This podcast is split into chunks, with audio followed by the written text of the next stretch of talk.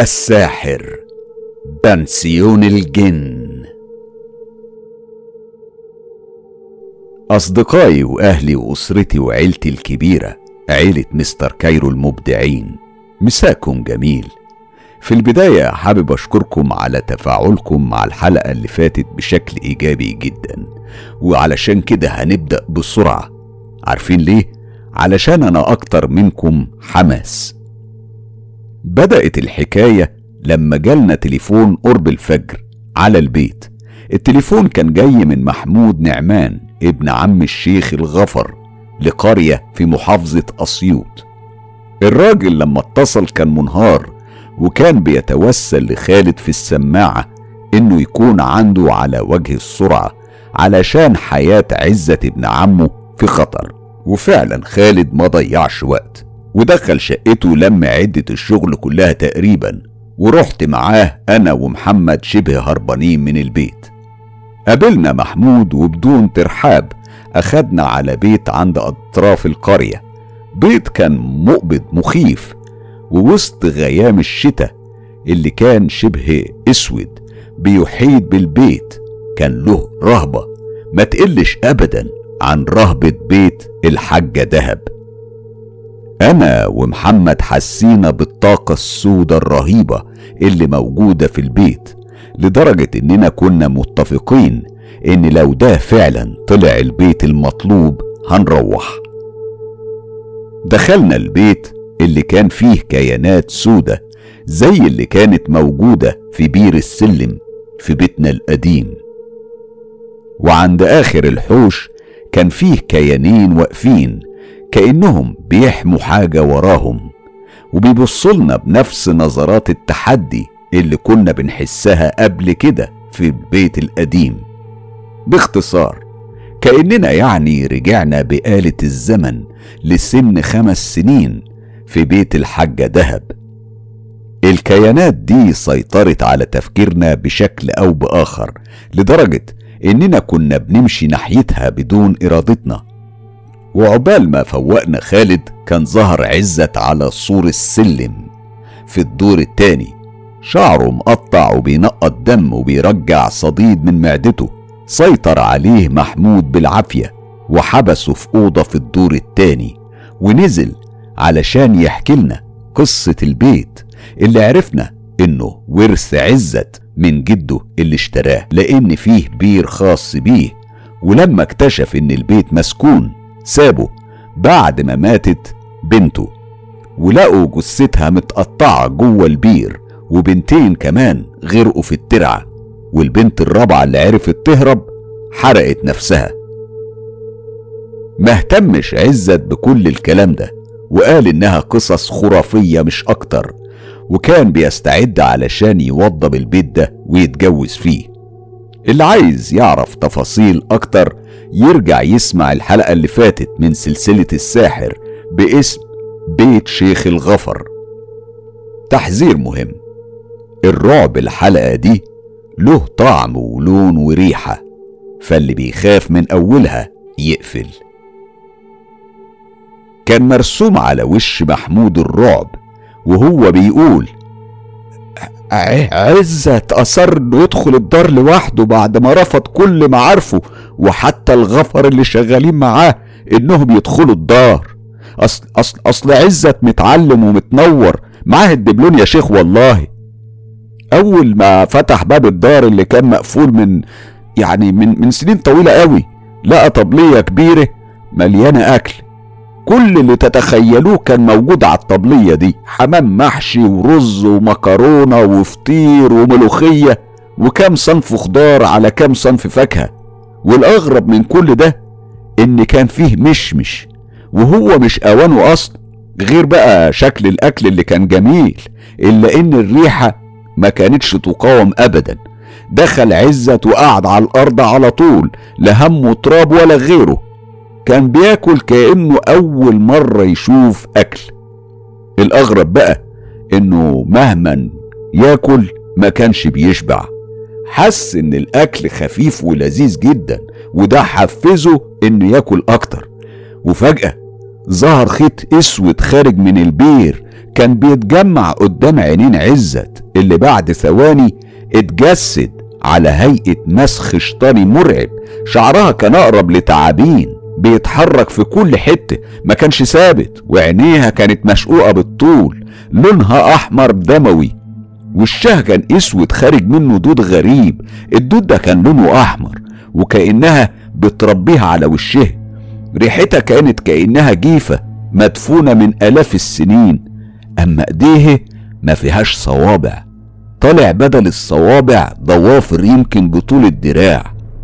أول عزة ما شافها عينيه اتثبتت واللقمة وقفت في حلقه وبقى مش مصدق اللي قدامه ده كابوس ولا حقيقة خصوصا بعد ما سمعها بتقول من غير ما تحرك شفايفها لأن هي أصلا ما عندهاش بق. عليك لعنة لن تفارقك للممات. من النهارده لا هتشبع ولا هتستريح علشان أكلت أكل عيالي. مش كده وبس. ده مفيش لقمة هتستقر في معدتك من غير ما تعفن وترجعها من جوفك صديد وعليك لعنة سكنة البير. سهان بنت إبليس أميرة العالم السفلي. وفجأة حس عزت باللحم اللي في بقه اللي كان بيمضغ فيه بيتحول لكائنات حية بتتحرك في بقه وزوره وكمان بين شفايفه. ورجع عزت غيط ديدان. بص على الطبلية اللي قدامه لقاها كلها جيفة والدود بياكل فيها. الدنيا اسودت في عيون عزت حرفيا وقام من مكانه وهو مش شايف. تقريبا حالة نفسية من تأثير الصدمة كان بيحسس علشان يوصل للباب. فضل فترة مش شايف ومش لاقي الباب. كل ما يمشي كام خطوة كده يخبط في الكنب وريحة الجيفة كانت هتموته وطعم الدود اللي في بقه خلاه يرجع أكتر من مرة. قعد عزت على الكنبة ربع ساعة تاني لحد ما بدأ يشوف صورة ضبابية. شوية شوية بدأت الصورة توضح وأول ما بقى قادر يفرق ويحدد مكان الباب في الحوش خرج جري. بس الغريبة إنه ما شافش الطبلية اللي كان بياكل عليها من دقايق. الطبلية ما كانتش موجودة وكأنه كان في دار تاني غير الدار دي يا شيخ والله. بس الريحة القذرة كانت لسه موجودة. جه على عندي على طول دخل الدار من غير استئذان وكأن الموت نفسه بيلاحقه. هنا أنا لمحت حد أعرفه كويس خارج من عند البير. لا هو مش شخص واحد دول كانوا اتنين وأنا عارفهم كويس أوي. نجلاء وميسة بصوا الأول من عند البير. لما حسوا إني شفتهم قربوا. أنا قلت لهم بجدية إيه الهبل ده؟ أنتوا أنتوا جيتوا هنا إزاي؟ ردت نجلاء بلا مبالاة عادي يعني. هو خالد بس اللي بيعرف ومعاه أتباع؟ أنا كمان معايا أتباع ولا نسيت يا وليد؟ رد محمد أنتوا أنتوا دخلتوا جوه إزاي والوحوش دي واقفة حارسه البير؟ بصت ميسة على الكيانات اللي كانت لسه واقفة. وقالت يا عم دول زي اللي كانوا بيظهروا على السلم. موجودين يعني بس ما بيأذوش حد بالذات إحنا. أنا قلت بتعجب. إيه ده؟ يعني أنتوا أنتوا مش خايفين؟ ضحكت نجلاء وقالت لا خالص. الناس دول يا عم شوية معاتيه. كل ده علشان بنت كانت بتنظف البير ووقعت فيه. تعالوا أوريكم البير ده شكله جميل جدا.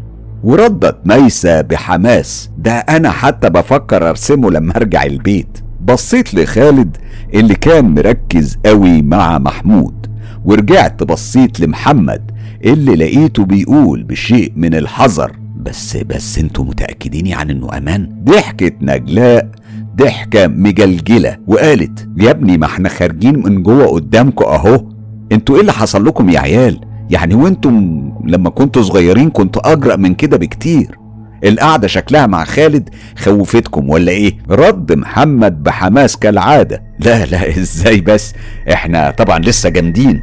بصلي محمد وشاف في عينيا خوف زي اللي شفته في عينيه وقال بصوت واطي علشان نجلاء وميسة ما يسمعوش. يا عم أنت يا عم أنت البنات هتطلع أجدع مننا ولا إيه؟ واضح إن محمود ده مكبر الموضوع شويتين وقريبه ده عنده مس عادي يعني. إخواتك خارجين من جوه أهو وما حصلش أي حاجة. قمنا ومشينا كام خطوة ناحية الكيانات اللي واقفة عند البير.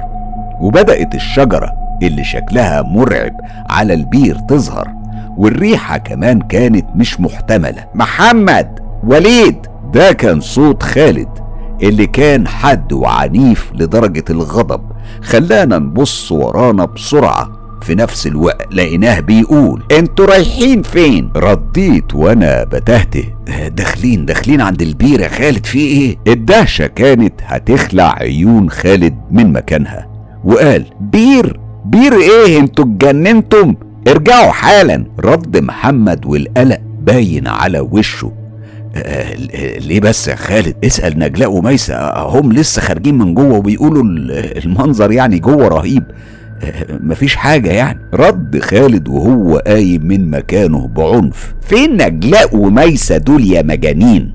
بصينا قدامنا في نفس اللحظة علشان نشوف شياطين صورة طبق الأصل من التصور اللي قاله محمود وهم بيضحكوا وكأنهم بيلعبوا بيا.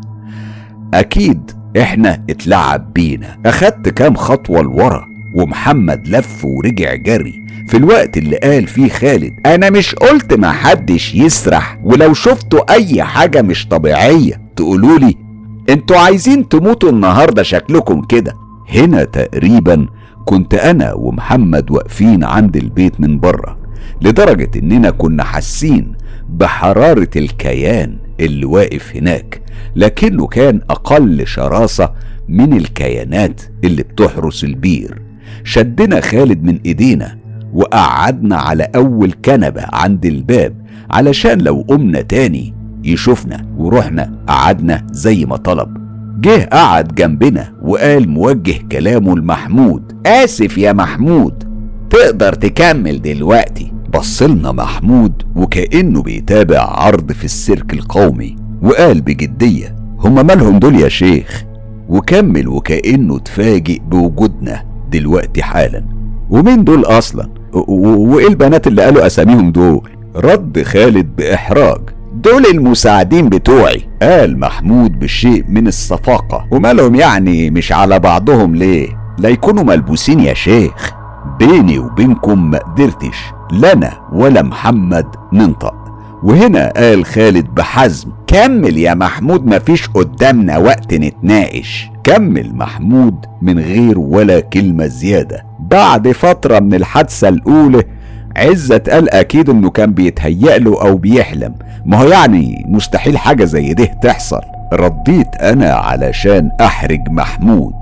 يا سلام يعني إزاي بالبساطة دي؟ وهو عليه لعنة. يا عم انت بتشتغلنا ولا إيه؟ رد محمود بدون انفعال وكأنه متعود على المعاملة دي. ده نفس الكلام اللي أنا قلته له لأنه فعلا بدأ ياكل بشكل غريب والأكل بجد ما كانش بيستقر في معدته غير دقايق معدودة. بعدها كان بيقوم يرجع صديد لونه أبيض.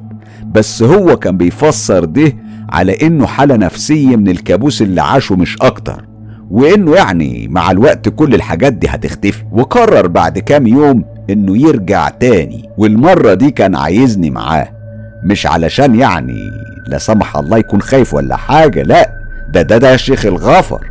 إنما علشان أنا كمان أشوف اللي هو بيشوفه وأكد له المعلومة. بس أنا بصراحة ما قدرتش يا شيخ. قلبي كان مقبوض ومستحيل أعمل حاجة زي كده. أنا أنا أنا عندي عيال عايز اربيه شاور له محمد بمعنى لخص. فكمل محمود. عزت رجع لوحده الدار تاني. كان عز الظهر. في حاجة جواه كانت خايفة. برغم إنكاره. لما فتح الباب ما كانش فيه أي آثار لأي حاجة. والغريب إن ما كانش فيه آثار لرجله هو شخصيا على التراب. وكأن الدار دي ما دخلهاش حد من ساعة ما اتبنت. وقف كام ثانية. وبعد شوية كده سمع صوت أطفال بتلعب عند الشجرة اللي بره الدار. طلع وقف في البراندا اللي هي الفراندا يعني. بيتفرج على العيال اللي كانوا بيطلعوا على الشجرة. واد وبت حركتهم كانت سريعة. بيطلعوا الشجرة زي القرود. وقف يتفرج عليهم لقاهم بيطلعوا على الغصون اللي طرفها نازل في قلب الترع. خاف على العيال دي لا تقع في الترعة فبدأ ينادي بعلو صوته. انت يا ولا انزل يا واد انزل بقول لك. هنا بص له الولا وهو مبتسم واتزحلق له على غصن الشجرة ونزل به في قلب الترع. حس عزت بقلبه بيتحدف بين ضلوعه. وراه كانت البنت بتبتسم وبتتزحلق هي كمان ونزلت في الترع. عدت دقايق وعزت في حالة ذهول. الغريبة إنه بعد فترة لقى إيدين صغيرة بتظهر على شط الترع وبيطلع من وراها الواد صاغ سليم ده حتى مش مبلول. لا وكمان طلع من وراه البنت. هنا حس عزت إن فيه حاجة غلط. فقال أنت ابن مين يا واد؟ أنت يا واد وأنت يا بت أنتوا ولاد مين؟ هو قالها علشان يداري على خوفه اللي كان هيموته. وكأن يعني التصرف اللي حصل قدامه ده يعني طبيعي. وهنا سمع الصوت جاي من جنبه مباشرة. الصوت كان شيطاني مصحوب بريحة كانت قذرة. بيدخل دماغه من قبل ما يعدي على ودانه. دول عيالي أنا. بص جنبه علشان يلاقي وشه في وش المسخ اللي اسمها سهان. والدود اللي بيزحف على وشه كان بيلمس في وشه وتحت رجليه حس بالبنت والواد وهم بيتحولوا شياطين شبه أمهم. ما كانش فيه مكان يهرب منه غير إنه نط من البراندة ومنها على الترع على طول وطلع من الناحية التانية وفضل يجري لحد عندي برضك. المرة دي كان عزت واعي ومتأكد من كل حاجة حصلت. ما قدرش ينكر إن الجنية اللي ساكنة جوه البير مش حقيقية. حالة عزت كانت بتسوق بسرعة مذهلة بالذات يعني بعد ما اتأكد من وجود سهان. مش بس كده ده شبه بدأ يتحول.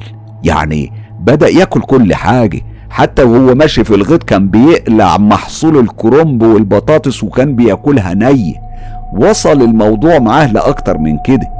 ده بدأ ياكل طيور ميتة وبدأت ملامحه تتغير وكان بيشد في خصل شعره ويقطعها وبقى بالحالة اللي أنتوا شفتوها عليها دي. وكل اللي عليه يعني إنه عايز يرجع بيته وينام في البير. ما كانش يعني قدامي يا شيخ غير إني أجيب شوية الغفر دول هنا ونحبسه في الدار منها يعني يبقى بعيد عن الناس ومنها يبقى أهدى شوية عن بره هنا برقت أنا ومحمد. وقلنا في صوت واحد هو كده هادي؟ هز محمود راسه بالموافقة وقال كتير كتير عن الأول. أنتوا ما شفتهوش يا بهوات؟ ما شفتهوش كان شكله عامل إزاي؟ هنا قال خالد المشكلة في ريحة الصديد المقرفة دي بتدل على إن بطنه خلاص عفنت. بقولك إيه قوم هات مية في حاجة نظيفة إحنا لازم ننقذ ما يمكن انقاذه. نده محمود بأعلى صوته. يا ناصر ناصر فتح الباب. راجل ضخم الجثة أسمر البشرة وهو بيقول بصوت أجش. أؤمر يا أبو محمد. أيوة يا ناصر. هات درق مية كبير من عندك. بلاش تجيب من هنا. المية اللي مخزنينها بره هات منها. نصر قفل الباب. بعد ما حرك راسه بالموافقة مع تحويل محمود دفة الكلام لخالد وكمل. أصلنا يعني ما بنشربش المية اللي هنا. الرجالة بتخاف لا تكون مسحورة زي البير. بعد ثواني كان دخل نصر شايل حاجة كده زي الجردل بس معدن فيها مية. وهنا خالد قال له وعايزين فحم مولع يا محمود. بص محمود لنصر وقال له هات الفحم يا نصر بسرعة. طلع خالد وطلع المجمرة بتاعته والورق والقلم الأحمر العطري المعروف وكان جاب نصر الفحم ساعتها وحطه في المجمرة مباشرة. هنا طلع خالد كتاب مفتوح على صفحة معينة. أعتقد يعني هو كان بيحاول يخفي هوية الكتاب اللي أنا كنت عارفها من قبل كده. ده كان كتاب تحضير سفلي وهو بينقل التعويذة على الورق الأبيض. فجأة المجمرة طارت في وش خالد اللي هدومه تقريبا كلها اتحرقت مع وجود لسعات على وشه من طفية الفحم. في الوقت اللي جرى فيه محمود وهو بيحاول يستخبى ورا أي كنبة. وأنا ومحمد كنا قاعدين مبلمين مش عارفين نتحرك. رفع خالد إيديه وبدأ يقول كلام شبه العبري كده. ومن وسط الكلام العجيب ده كان فيه كام كلمة عربي فهمت منها إنه بيطلب الكلام والتفاوض مع الأميرة سهان. ومع كلام خالد بدأت تتشكل أبشع جنية ممكن حد يتخيلها. مسخ بشع وريحة مقرفة. وفعلا دود أحمر بيتساقط منها. الغريب أني أنا ومحمد وخالد شفناها ومحمود ما شافهاش ومش عارف إزاي خالد عرف المعلومة دي. فقال بسرعة مخلوطة بخوف محمود أنت شايف حاجة؟ قال محمود وهو مش قادر يبلع ريقه. لا لا مش شايف حاجة يا شيخ. كويس قوم بسرعة اطلع بره قام محمود يجري على بره أنا كنت متابعه بعينيا وعند عتبة الباب بالظبط. دخل الكيان الأسود جسم محمود اللي وقف قدام الباب وضحك ضحكة مرعبة. خلعت قلبي أنا ومحمد في اللحظة اللي قالت فيها الشيطانة اللي اسمها سهان كالعادة من غير كلام علشان بقها مطموس زي ما أنتم عارفين. انت عايزه يهرب مني؟ ده أنا ملكة من بنات إبليس. انت لسه مش عارف بتتعامل مع مين ولا إيه؟ أنا قلت البير ده بيتي والبيت ده بتاعي محدش هيشاركني فيه. شاورت على محمود اللي كان واقف بيبصلنا بنظرات كلها غضب وتحفز وكأنه مستني إشارة بالهجوم. وقالت أنا ممكن أخليه يقتلكم دلوقتي حالا وتغوروا كلكم في ستين داهية. بس أنا أنا مش هعمل كده. عارفين ليه؟ وقبل ما حد فينا يفكر ينطق حركت مخلبها اللي المفروض مكان صباع إيديها. فانفتحت الأوضة اللي كانت مقفولة على عزت في الدور التاني بقفل واللي خرج منها بيجري على إيديه ورجليه. وهنا نزل محمود في نفس اللحظة على إيديه ورجليه هو كمان وفضلوا هما الاتنين يعووا كأنهم ضباع سعرانة وفجأة ظهروا طفلين مسوخ أكيد دول كانوا أطفالها أو بالأحرى يعني شياطينها لأن دول ما ينفعش يتقال عليهم أطفال. الولد كان قاعد على ظهر عزت والبنت على ظهر محمود. بتسأله عرفت منين الولد من البنت؟ البنت كان شعرها اللي شبه التعابين كان أطول من الولد بكتير وصوت ضحكها اللي سامعينه في راسنا كان بيقول إنها بنت. أنا بصيت لمحمد وقلت له إحنا إحنا كان المفروض نمشي من بدري يا جدع. دلوقتي أعتقد إن إحنا هندفع حياتنا ضريبة الفضول. لو أي واحد منهم بس فكر إنه يهجم علينا أعتقد خلاص مفيش فرصة إن إحنا نهرب. مفيش فرصة نجاة يا محمد خلاص. سرح محمد ثواني وبعدين بدأ ينادي. نصر يا نصر بس بقى منك ليه محدش هيسمعنا؟ دي كانت جملة خالد اللي قالها بحدة ويأس. سمعتوا؟ قال لكم إيه؟ أنتوا هتفضلوا هنا كده محاصرين لحد ما أخلص عليكم. هنا شاورت لخالد وقالت وانت عارف لو سمعت صوت همساتك تاني هتكون جثتك بايتة في البير معايا. سيبوا بقى اللي في إيديكم علشان اللي فات كان حمادة واللي جاي إيه؟ أيوه برافو عليكم حمادة تاني خالص. سهان اختفت وسابت الحراس بتوعها اللي كانوا في الوقت ده عزت ومحمود وعلى ظهرهم الشياطين عيالها. الزمجرة الوحشية والريحة القذرة اللي جاية من جوف عزت كانت بتضيف رعب على رعبنا. مستحيل تتخيلوا إن دول كانوا بشر في يوم من الأيام. محمد ميل على خالد وقال بصوت واطي فين يا عم صالح بتاعك ينقذنا من اللي إحنا فيه ده؟ إحنا في هم يا عم خالد. يا عم إحنا في هم.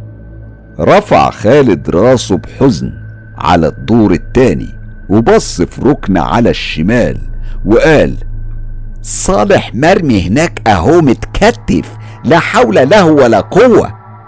رد محمد برعب يعني يعني إحنا هنفضل مرميين هنا لحد ما نموت مثلا ولا إيه؟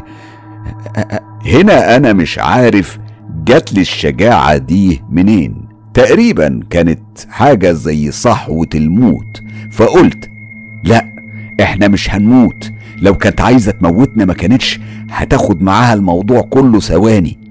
الأخ خالد يعني مش بروسلي عشان يعني تخاف منه. أكيد في قوة خفية معانا. إحنا مش عارفين هي إيه. وهي اللي خلت سهان تسيبنا على قيد الحياة من غير حتى ما ترك يعني تركب شياطينها علينا. تنح خالد ثواني وبص للكتاب اللي في إيديه اللي ما بقاش مهتم كتير إنه يخبي اسمه وقلب بين صفحات الكتاب وطلع من بين صفحتين في نص الكتاب ورقة صغيرة لونها أصفر من الركنة متطبقة بشكل معين وفتحها بحرص وهو بيشاور لنا نسكت خالص.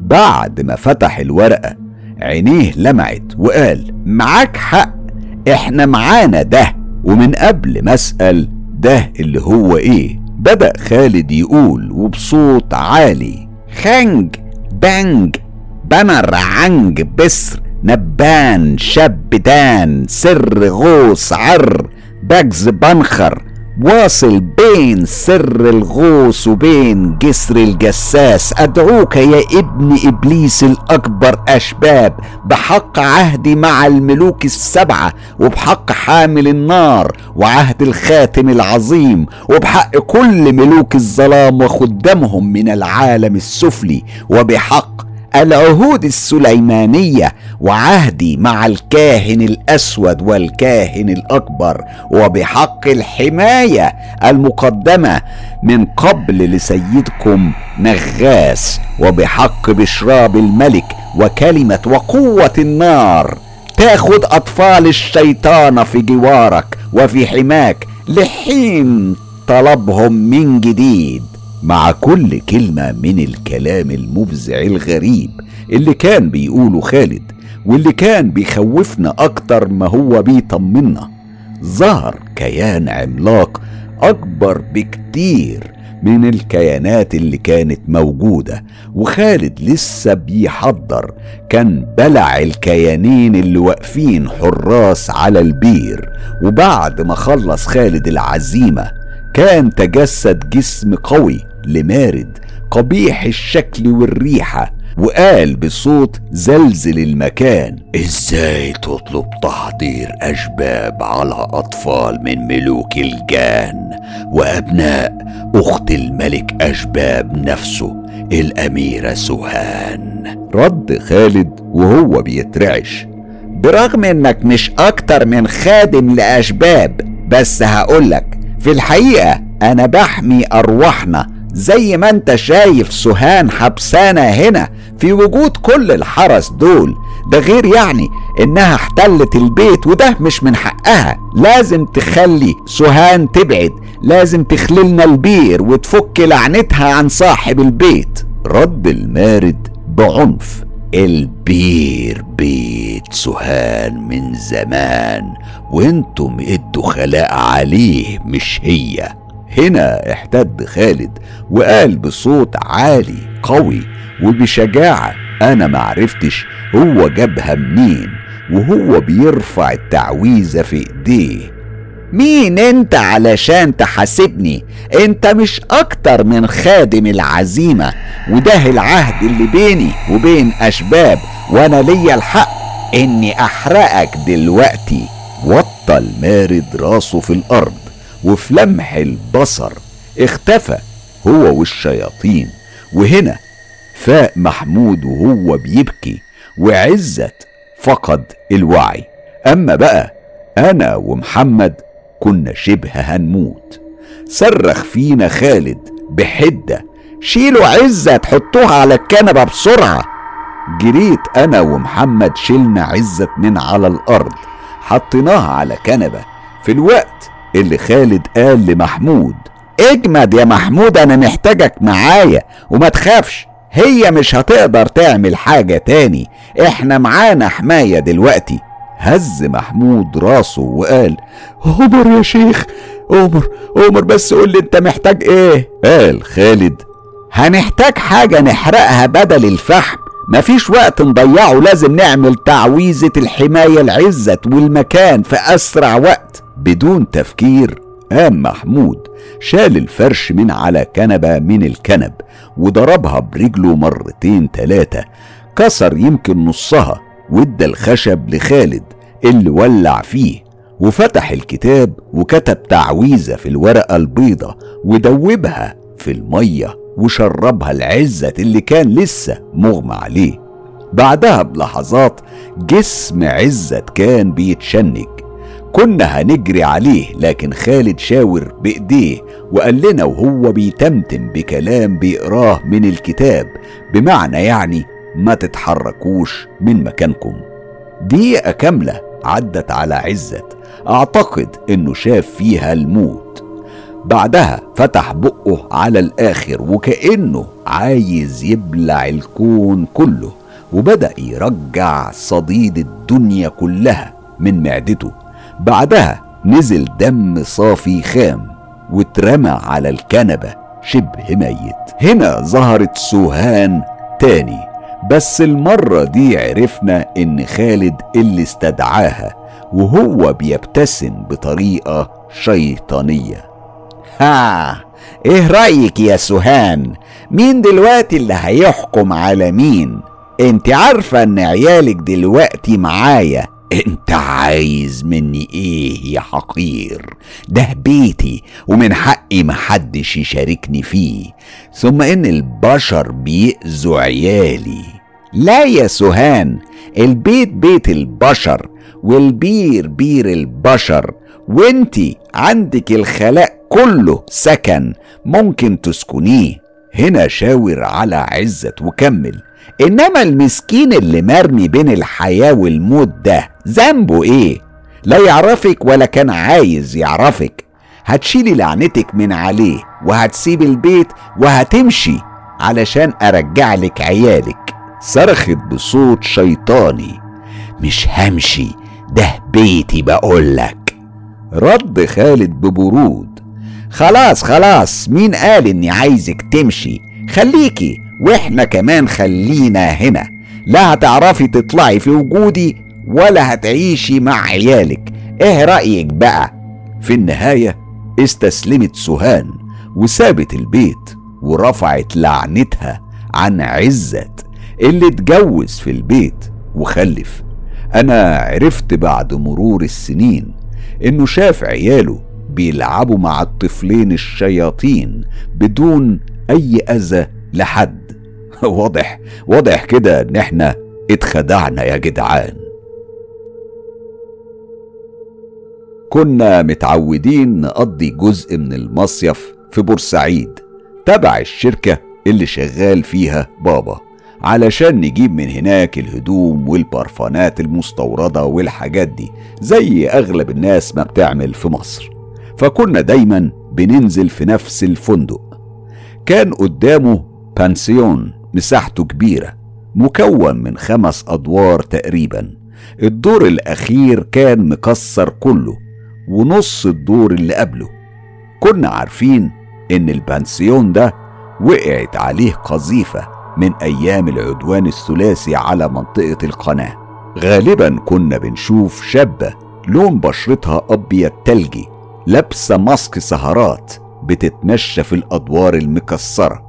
والكلام ده كان بيكون في عز الظهر. هي لما كانت بتشوفنا كانت بتبتسم وتكمل مشيها عادي. وإحنا تقريبا اتعودنا على وجودها. هي أكيد بنت صاحب البانسيون أو مراته أو ممكن يكون عندها حاجة على عينيها وعلشان كده لابسة الماسك ده باستمرار. ما اكدبش عليكم كان عندنا فضول غريب إننا نعرف مين دي. مش إحنا بس يعني بابا وماما كمان اللي كانوا بيشاوروا لها من وقت للتاني وكانت بتشاور لهم وهي مبتسمة ابتسامة جميلة. أنا مش هوصف البنت علشان في ناس بتزعل بس أعتقد العراب هيختار الصورة المناسبة للتصور اللي في دماغي. وفي يوم كنا راجعين من بره تقريبا يعني كنا هنرجع تاني يوم على مصر. بابا أصر إنه يروح يجيب حلويات وإحنا طلعنا على الفندق لأننا كنا ميتين من التعب. اتأخر بابا تحت الزيادة عن اللزوم. بعد أكتر من حوالي ساعة ونص رجع بابا من غير ما يجيب حاجة خالص واكتشفنا إنه اتعرف على صاحب البنسيون اللي قدامنا. وبقوا أصحاب لدرجة إن الراجل اللي كان من أصل جريجي عزم بابا إنه ينزل عنده في البنسيون كام يوم. والأغرب إن بابا اقتنع ومد أجازته وتاني يوم الصبح كنا بننقل الشنط من الفندق للبانسيون وسكننا في ثلاث غرف في الدور الرابع اللي نصه مكسر. غرفة 410 لبابا وماما 411 لنجلاء وميسة و412 ليا أنا ومحمد. السلم اللي بيطلع للأدوار اللي فوق كان قريب من أوضتنا جدا. كان معانا في الدور كام غرفة بس هما اللي يعني مؤهلين للسكن. طبعا كنا مبسوطين جدا علشان الأجازة هتزيد كام يوم. وهنتعرف على البنت اللي إحنا بنشوفها من سنين. البانسيون كان رائع. كان يعني كل مكان فيه تحسه إن هو أثري. الأرض باركيه كلها. تحسوا إن الأرض والأسقف أصلا معمولة من الخشب المطلي باللون الأحمر اللامع. والبداية المرة دي كانت عند ميسة اللي خرجت من الأوضة وطلعت على الدور الأخير تتفرج على الغرف المكسرة واللي لسه فيها مقتنيات سكانها اللي ماتوا فيها. وفوق قابلت البنت اللي كنا بنشوفها من الفندق اللي قدام البانسيون ميسة اتأخرت فطبعا طلعنا بدورنا نتفقد البانسيون وندور على ميسة لقيناها قاعدة فوق مع البنت. عرفتنا ميسة عليها وقالت وهي بتشاور على القمر اللي قاعدة قدامها أجنس. ورجعت شاورت علينا وقالت نجلاء ومحمد ووليد إخواتي.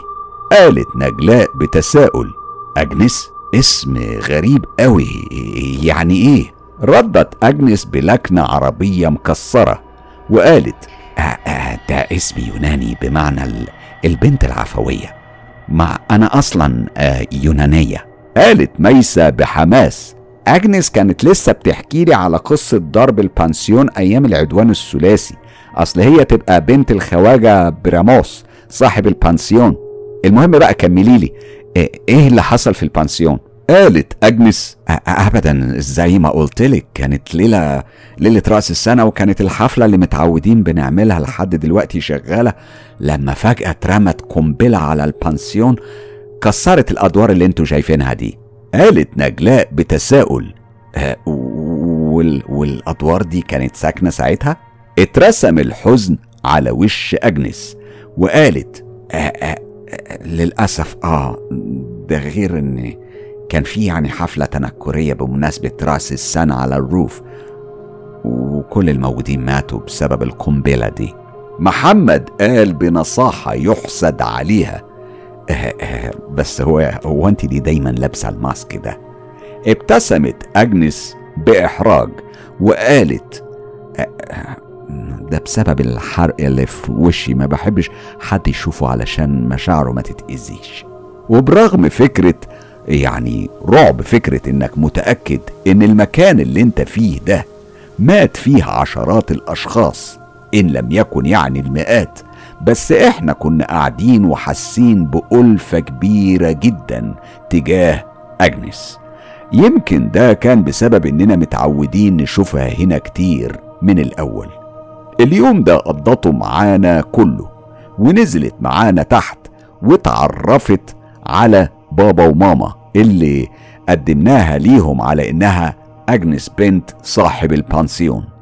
رحب بيها بابا جدا ساعتها يعني لأنه بقى صاحب الراجل الأنتيم في ساعة ونص. الدنيا كانت زي اللوز. طبعا أنتم فاكرين الأسطورة اللي بتقول إن أكتر الليالي رعبا هي اللي بتبقى زي اللوز في أولها.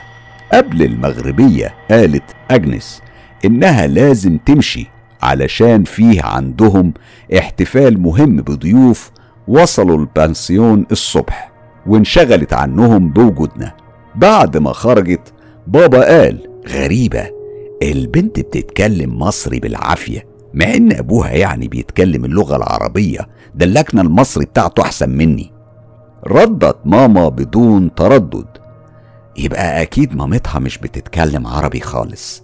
مش بتتكلم غير جريجي قدامها وده هو اللي خلاها كده. المهم اليوم خلص وجه وقت النوم. أيوه هو ده الوقت اللي بتتجمع فيه الشياطين من جميع أنحاء العالم علينا. والبداية كانت عند ميسة. برضه لما سمعت صوت قطة على السلم بره. وميسة ممكن تقتلنا كلنا علشان قطة تعيش في أمان. خرجت ميسه تدور على القطة برغم تحذيرات من نجلاء إنها ممكن تحرج نفسها من أصحاب القطة. بس بس أنت فين يا قمر؟ صوت القطة كان جاي من على السلم. مشيت ميسة لحد السلم اللي كان مضلم وشافت العيون المنورة اللي واقفة على البسطة اللي بين الدور اللي إحنا فيه والدور المكسر اللي فوق. اتأخرت ميسة حوالي نص ساعة. آه ما تستغربوش. ميسة ممكن تقعد مع قطة أيام كتير مش بس نص ساعة. المهم هنا نجلاء قلقت عليها. مفيش صوت بره وحتى صوت القطة اختفى. جت نجلاء تخبط علينا بالراحة علشان بابا ما يسمعناش. فتح محمد وهو بيقول خير في إيه؟ قالت نجلاء تعالوا معايا. تقريبا ميسة طلعت فوق أو نزلت تحت مش طالع لها صوت خالص. تعالوا نروح نشوفها. رديت أنا برخامة ليه يا بنت يعني نروح ندور عليها فوق؟ أنت مش بتقولي ممكن تكون نزلت أو طلعت ندور عليها تحت الأول وبعد كده نبقى نطلع فوق. دورنا عليها تحت لحد الشارع ما كانتش موجودة. فطلعنا نتسحب على فوق. لكن الغريبة إننا أول ما وصلنا لسلم الدور الأخير سمعنا صوت ست جميل صافي وهادي وناعم كانت بتغني أغنية مش عربية. وكنا ساعتها بالقدر الكافي من الذكاء علشان نعرف إن دي أغنية جريجي. لكن الصوت ده ما كانش صوت أجنس. ممكن تكون أمها أو ميسة قاعدة معاهم مثلا. الأغرب إننا كنا كل ما نقرب صوت الغنى كان بيعلى والضلمة بتزيد. إزاي ده بيحصل؟ مش عارفين.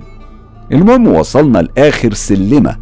صوت الغناء توقف تماما لدرجة إن نجلاء سألت أنتوا أنتوا مش كنتوا سامعين حد بيغني وبصوت عالي كمان؟ محمد قال وعلامات الرعب.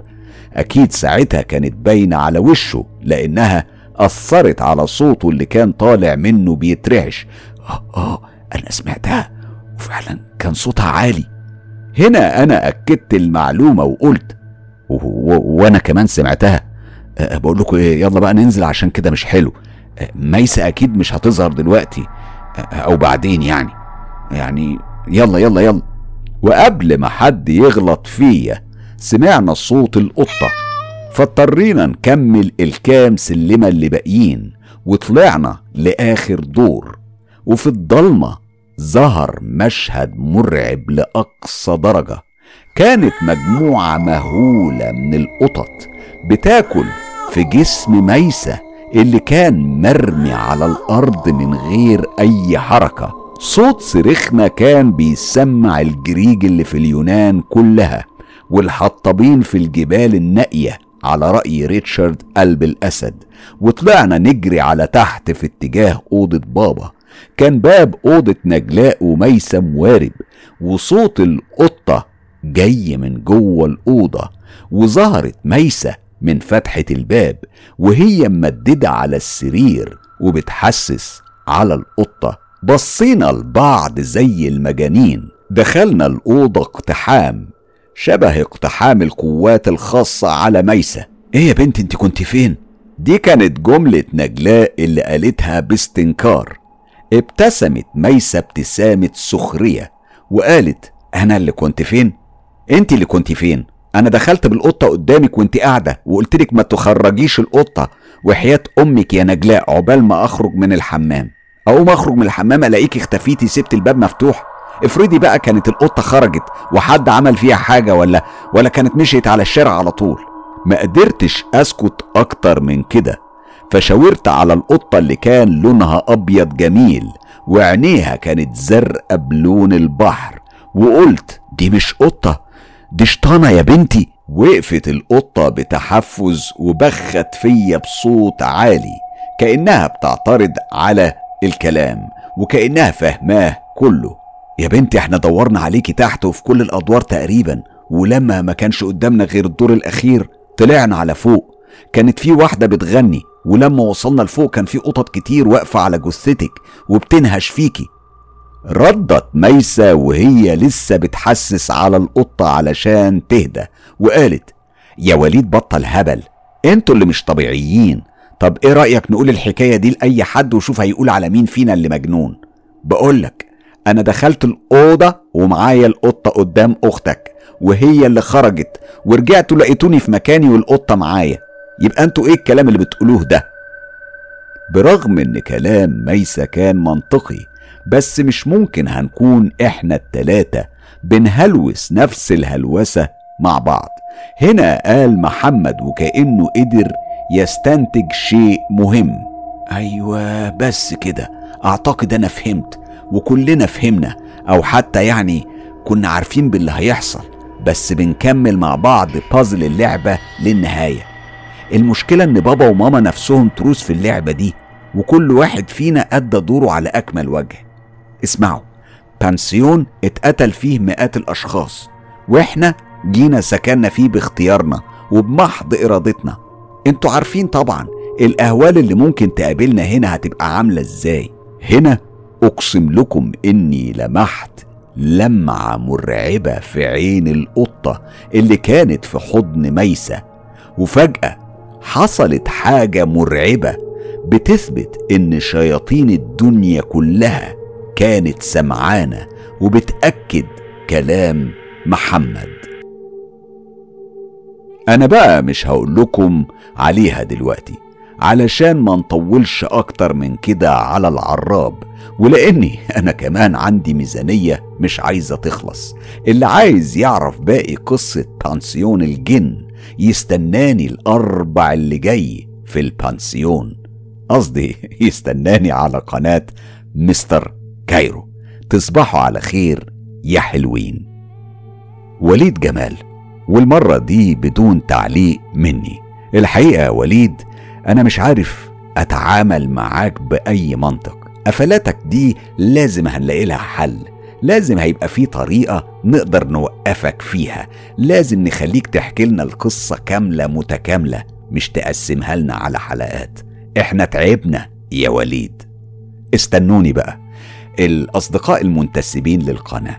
إحنا بنجهز لكم حلقة الساحر اللي سمعتوها حالا بأصوات مجموعة من الممثلين المحترفين من نجوم قناة مستر كايرو. هتنزل الأسبوع ده. استنوها. أما أنت بقى لو مش منتسب فكر كتير وتعالى انضم لنا. انتسب للقناة واستفيد من الفيديوهات الحصرية اللي بنقدمها لجمهور المنتسبين. تصبحوا على خير يا حلوين على رأي ولي جمال. ليه تشترك في قناة مستر كايرو؟ علشان توصلك آخر المعلومات اللي ممكن تفيدك وتحميك مش انت بس انت وأسرتك والناس اللي بتحبهم هتحميك من عالم السحر والسحرة وكمان هتخليك ملم بعالم الجن والعوالم الغامضة اللي أكيد بتشاركنا حياتنا. اسمعوا لو عندكم تجارب حقيقية وحصلت بالفعل ليكم أو لحد من أصحابكم وحابين تشاركوا بيها أصدقاء مستر كايرو ابعتوا التجارب على الصفحة الرسمية للإعلامي حسام مصباح على موقع التواصل الاجتماعي فيسبوك أو على تطبيق تيليجرام وده بيبقى أفضل. كل الروابط دي هتلاقوها موجودة سهلة جدا في خانة الوصف وفي أول تعليق. أما للحصول على كل الحصريات انضموا ل group تجربة رعب مستر كايرو وصفحة هستيريا قصص رعب على فيسبوك. أما بقى لو حابب تدعم تجربة مستر كايرو لأنها عجباك ادعموا بالاشتراك في القناة.